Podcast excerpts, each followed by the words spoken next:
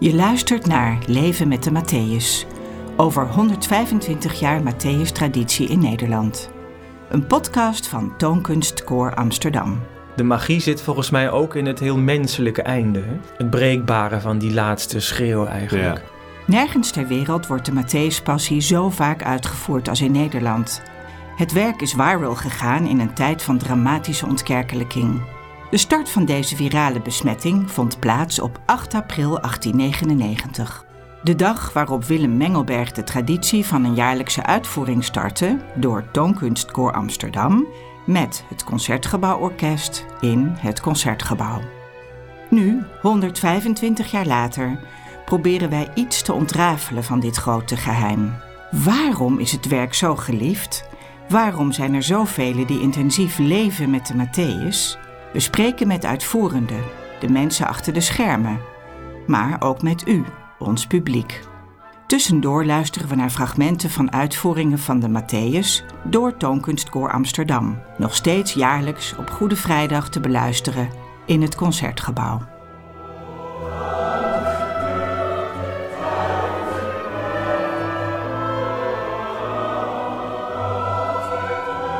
Aflevering 5. Wenn ich einmal soll scheiden. In deze aflevering deelt Raoul Stefani zijn ervaring als solist in de Matthäus en vertelt hij over zijn samenwerking met Toonkunstkoor Amsterdam. Met hem spreken we ook over het thema sterfelijkheid in dit stuk. In de tweede helft van deze aflevering praten we daar met onze vaste gasten over door. Net als over de vraag of je na een stuk waarin lijden en sterven zo'n grote rol spelen, wel mag applaudisseren.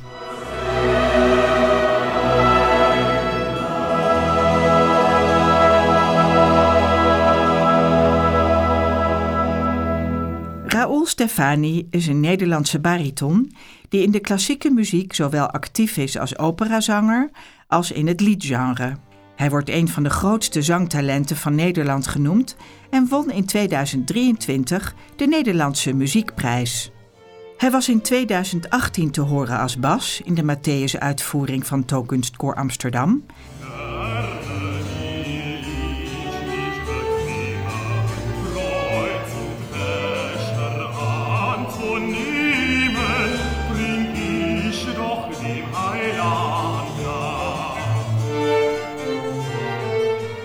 En ook in dit jubileumjaar zal hij bij ons acte de présence geven, maar nu in de rol van Christus.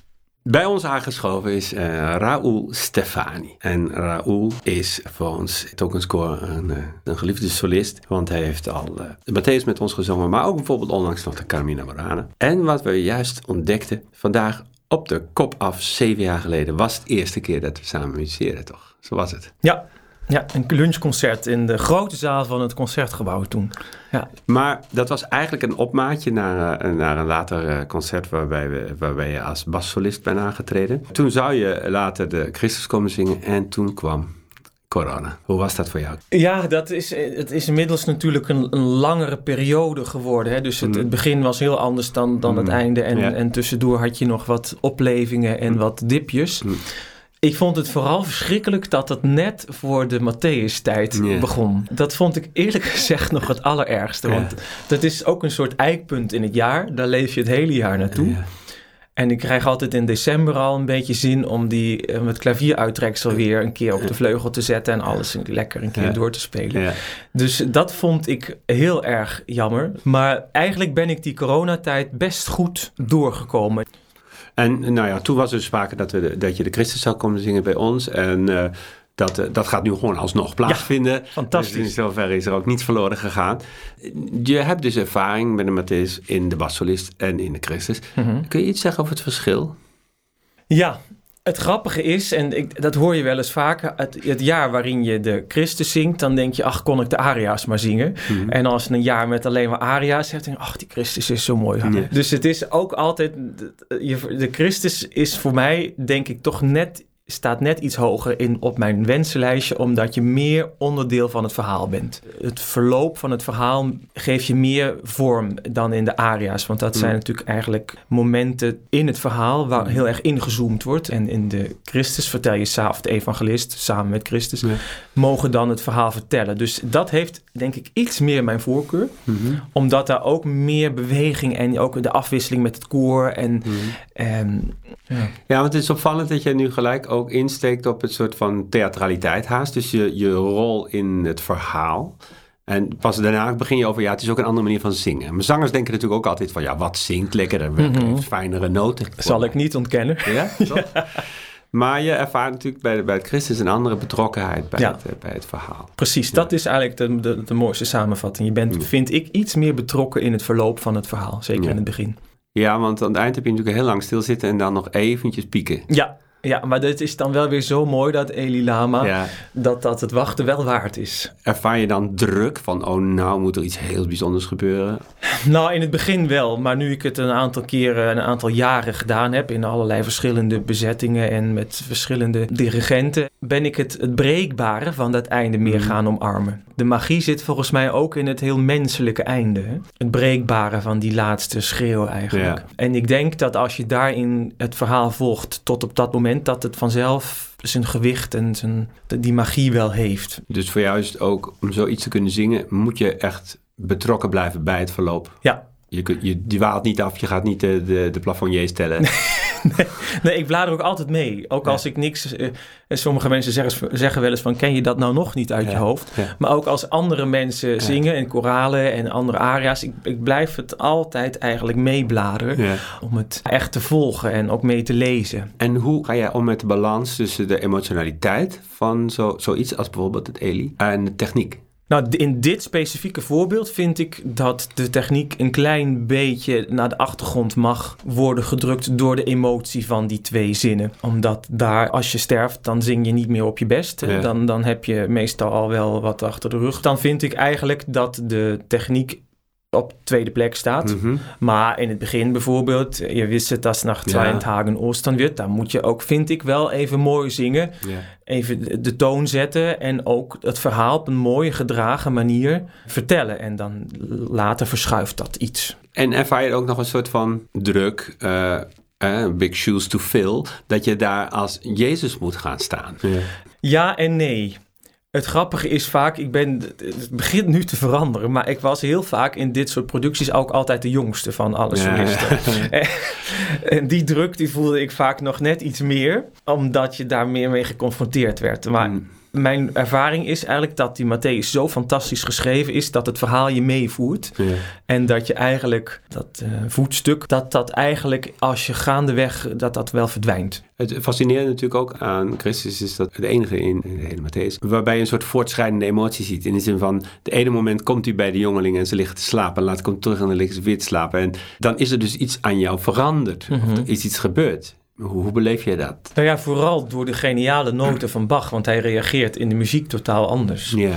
In het begin zit daar nog een soort, uh, ja, hoe zou je dat? Boosheid is misschien niet het mm. goede woord, maar toch, ja. Irritatie. Irritatie, ja. ja. Dat, dat vind ik uh, wel leuk. En ook om die uiterste daarin te belichten. En, maar dus je ziet dat, dat, dat die reactie ook verandert. En, en dat heeft Bach zo mooi opgeschreven. Ja.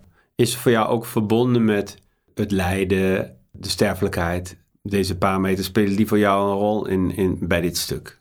Sterfelijkheid zeker wel, ja. ja. En eindigheid en eh, de berusting die daarin zit. En troost. Troost ook. Dat zijn denk ik de eerste dingen waar ik aan zou moeten denken. Dus ook gewoon, ook als uitvoerende maak je dat wel mee, zeg maar. Dat voel ik wel, ja. Vooral na afloop, als dan een beetje de adrenaline langzaam afneemt en, en het hele verhaal zich heeft afgespeeld.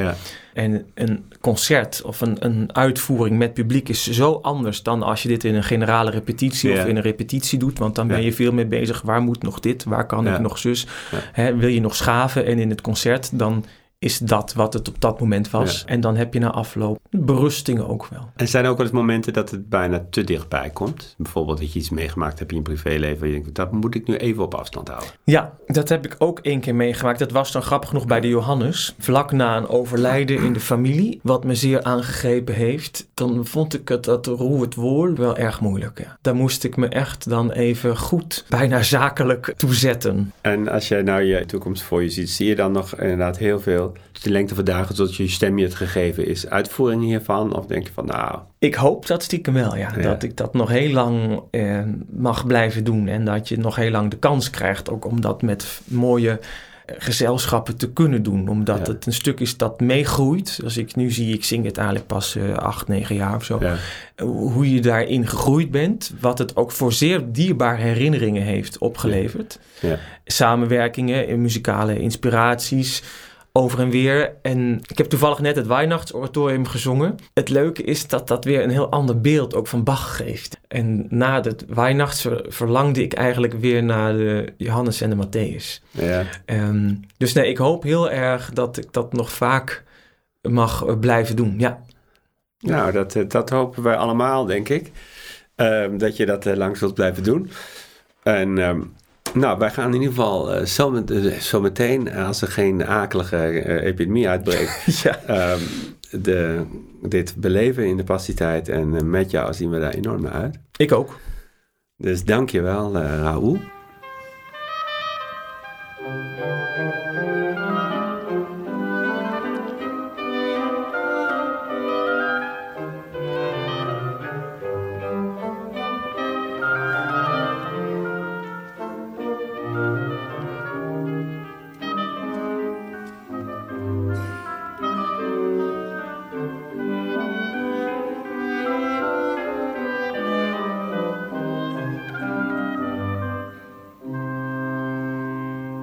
Wenn ich einmal soll scheiden. Dat is de titel van deze aflevering.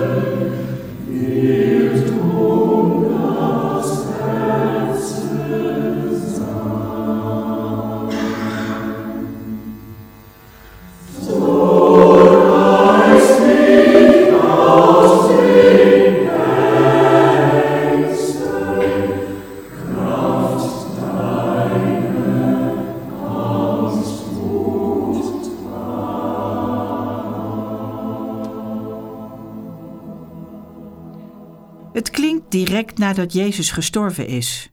Een moment van verdriet en verslagenheid. Juist door de thema's in de Matthäus als lijden, sterven en verlies voelen mensen een sterke persoonlijke verbinding met het stuk, zo blijkt. Ineke Kluft, hoofd klantcontact en verkoop van het concertgebouw hierover. Mijn vader is in mei 2015 overleden. En volgens mij zijn we dat jaar ben ik nog samen met hem naar de Matthäus gegaan. Het speelt een hele grote rol, uh, ook privé. En ook op de begrafenissen van mijn beide ouders zijn stukken uit de Matthäus gespeeld. Dus ja, ik voel me daar heel erg uh, mee verbonden. Ook ons publiek in de persoon van Pim en Yvonne Kruger voelen een sterke band met het stuk. Absoluut, absoluut. Ik wil zelfs dat er delen op mijn begrafenis gespeeld worden. Ja, ik ben, er, ik ben er mee bezig. Ik vind het ook een van de mooiste muziekstukken die überhaupt geschreven zijn. En wat er dan allemaal in en om en bij zit. Het verhaal is natuurlijk universeel menselijk, maar de muziek is dat ook. Het pakt gaat rechtstreeks van hart naar hart. Ja, maar dan niet zozeer vanwege het, het verhaal over de Leidensweg, maar inderdaad meer vanwege mijn eigen leven wat je hebt meegemaakt.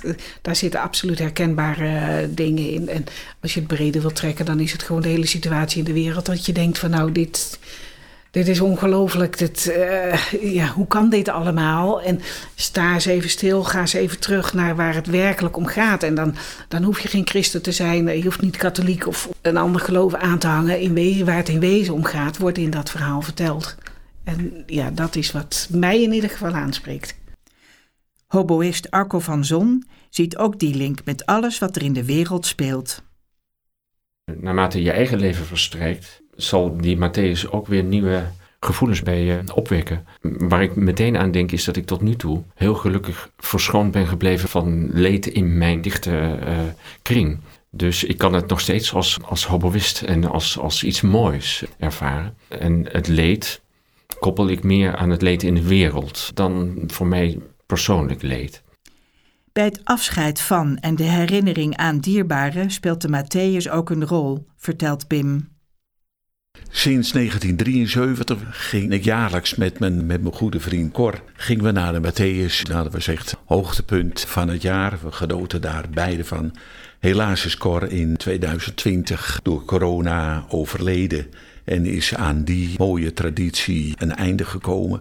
Maar gelukkig met zijn vrouw en met Yvonne gaan we nog eh, elk jaar eh, naar de Matthäus toe. En dat hopen we nog heel lang vol te mogen houden. Op zijn begrafenis klonk ook de, de Matthäus, in ieder geval eh, het lied Aus, Aus Liebe en muziek van Bach. Dus dat was heel, heel mooi allemaal.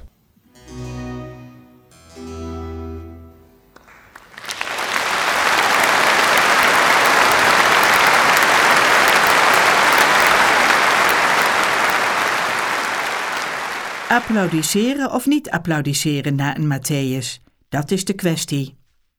Niet alleen in het algemeen, maar ook onder onze vaste gasten wordt daar verschillend over gedacht. Hans van de Boom over het pijnpunt waar het onder andere om draait. Je gaat niet na de dood van Jezus Christus zitten klappen. dat vond ik ook altijd een beetje raar, want je hebt zeg maar uitvoering in de kerk als een quasi-religieuze ervaring. Maar als je het op Palmzondag in het concertgebouw doet, dan vond ik het altijd een uitvoering van een buitengewoon fantastisch muziekstuk. En dan mag je volgens mij wel applaudisseren voor de prestatie van de muzici. Oud-koorlid Jan Stobbe weet nog precies hoe het begon. En dat begon bij kerstjes. Toen is uh, het applaus begonnen. Ja, dat is, uh, dat is een kwestie van tijd. Maar het stoort mij niet hoor. Nee, mag best. Het is een concertzaal tenslotte. Ineke Kluft vertelt hoe het nu gaat. Eh, ik behandel ook de klachten die binnenkomen hè, als, als hoofd van de klantenservice. En uh, tegenwoordig hebben we natuurlijk steeds meer nieuwer publiek waar we heel erg blij mee zijn. Maar het, het signaal dat wij weten er is nieuw publiek is als ze op momenten applaudisseren dat het oude publiek dat niet doet, namelijk tussen de delen door. En daar krijg je toch wel hele zure mails over van daar moet u wat aan doen en dat hoort niet. En wij hebben nu eigenlijk een beetje het beleid, ja dat hoort niet. Ja, eh, wie zegt wat er wel of niet hoort. Dus dat, dat is wel heel erg veranderd, ook denk ik in de loop der jaren. We zijn benieuwd wat onze jonge bezoeker Marijn Heidbrink ervan vindt. Oh nee, dat vind ik meer dan oké.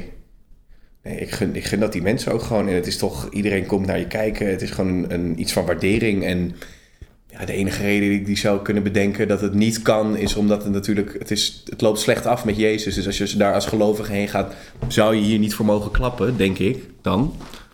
Maar eh, nee, ik vind dat dat, uh, dat het erbij hoort. En tuurlijk, je moet wachten. En ik vind ook niet dat er naar elk stuk, elk stuk geklapt moet worden. Maar dat er aan het einde even een groot applaus is, daar ben ik wel uh, voor. Ervaren Matthäusganger Yvonne denkt daar anders over. Eh, minder goede ontwikkeling vind ik dat er daarna enorm geapplaudiseerd en gefloten wordt. En dat, uh, nee, dat, dat is voor mij niet. Uh, nee, je moet gewoon in stilte dan laten bezinken en, en weggaan weer. Violiste Henriette Luitjes is het met haar eens. Maar er wordt ook geapplaudiseerd, bijvoorbeeld in het concertgebouw. Dat vind ik jammer. Dat vind ik heel erg jammer. En ik, ik, ik, ik heb het al heel vaak. Ik zeg er nooit wat van. Dan denk ik: oké, dat is hier gewoon. En misschien is dit ook het publiek dat gewoon wil applaudisseren na de Matthäus. En, en daar wordt dan ook echt gebogen. En ja, dat gebeurt natuurlijk uh, uh, niet overal. Maar ja, het publiek wat hier naartoe komt, het zijn, ook, het zijn natuurlijk ook heel veel familieleden die er zitten. En die zijn heel trots. En voor het koor is het natuurlijk geweldig als mensen zo enthousiast zijn. Maar Ja, ik weet het niet. Ik denk dat het niet terug te draaien is. Kunnen we het wel of niet applaudisseren of de manier waarop we dat doen dan misschien regisseren? Luister hoe verschillend Henriette Luitjes en presentator Hans van der Boom hierover denken. Ja, ja dat, mijn persoonlijke mening, ja. Maar ik vraag me af of. Uh, um, ik denk dat er wel wat protest zou komen. En, en leg het ook maar eens uit aan het publiek. Dan moet iemand even voor, voor, voor de uitvoering. Dames en heren, we hebben besloten niet te applaudisseren. En, maar dan ook echt uitleggen uit respect naar de muziek, het verhaal, naar Johann Sebastian Bach. Dat. En ik denk dat de meeste mensen dat toch wel zullen accepteren. Het is moeilijk. Ze zijn natuurlijk heel trots op al hun familieleden. En wij hebben ook familieleden in, in de zaal. En het is het concertgebouw, daar moet je kunnen applaudisseren. Maar ik denk dat je best een beroep op, uh, op de, dat, dat gevoel van mensen kunt doen. Of ik dan als presentator niet aan de mensen wilde vragen of ze niet wilden klappen. Nee, het publiek moet dat allemaal organisch zelf, zelf doen. Ik wilde liever die stilte mee naar huis nemen, hè, van dat prachtige slotkoor. En zo wil je dan naar huis. Ik, ik, ik denk altijd dat het publiek, naar welk concert dan ook, behoefte heeft aan ontlading. En applaus is, is natuurlijk niet alleen waardering, maar ook ontlading. Ja, anders, sta je, anders sta je zo bij de bushalte van, jeetje, wat... Uh, wat moet ik nou met de rest van mijn, met de rest van mijn leven? Volgens Ineke Kluft kun je als uitvoerende toch wel iets doen. Ik vind wel, kijk, niet klappen. Ik bedoel, iemand levert een prestatie. Dat, dan, en soms heb je ook dirigenten, die halen ook het applaus. En dat, dat vond ik inderdaad van, ja, dat hoort nu niet. Gewoon decent applaudisseren lijkt me prima. Maar dat joelen, wat hier natuurlijk vrij snel is... ja, dat vind ik ook, dat, dat zou minder mogen. Maar weet je, dat dat regisseer je niet. Applaus of geen applaus? Dat blijft zo te horen nog wel even de kwestie. En, Pim, laat je je erdoor weerhouden om te komen als het applaus toch klinkt? Absoluut niet. Niets laat me weerhouden.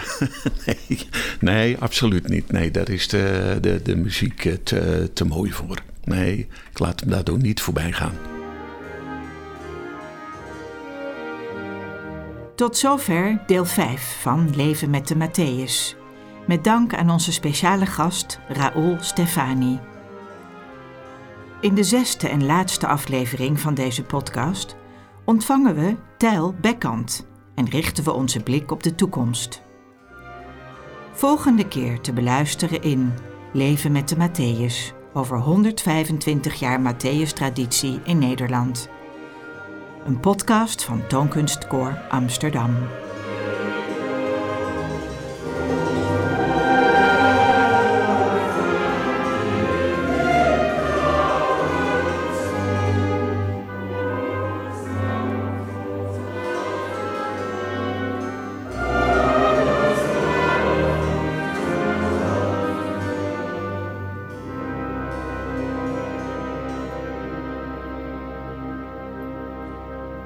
Het uitbrengen van deze podcastserie werd bekend dat Raoul Stafani door omstandigheden af heeft moeten zien van zijn Christusrol in de komende Matthäus-uitvoeringen van Toonkunstkoor Amsterdam. Bariton Thomas Oliemans zal de Christusrol nu op zich nemen.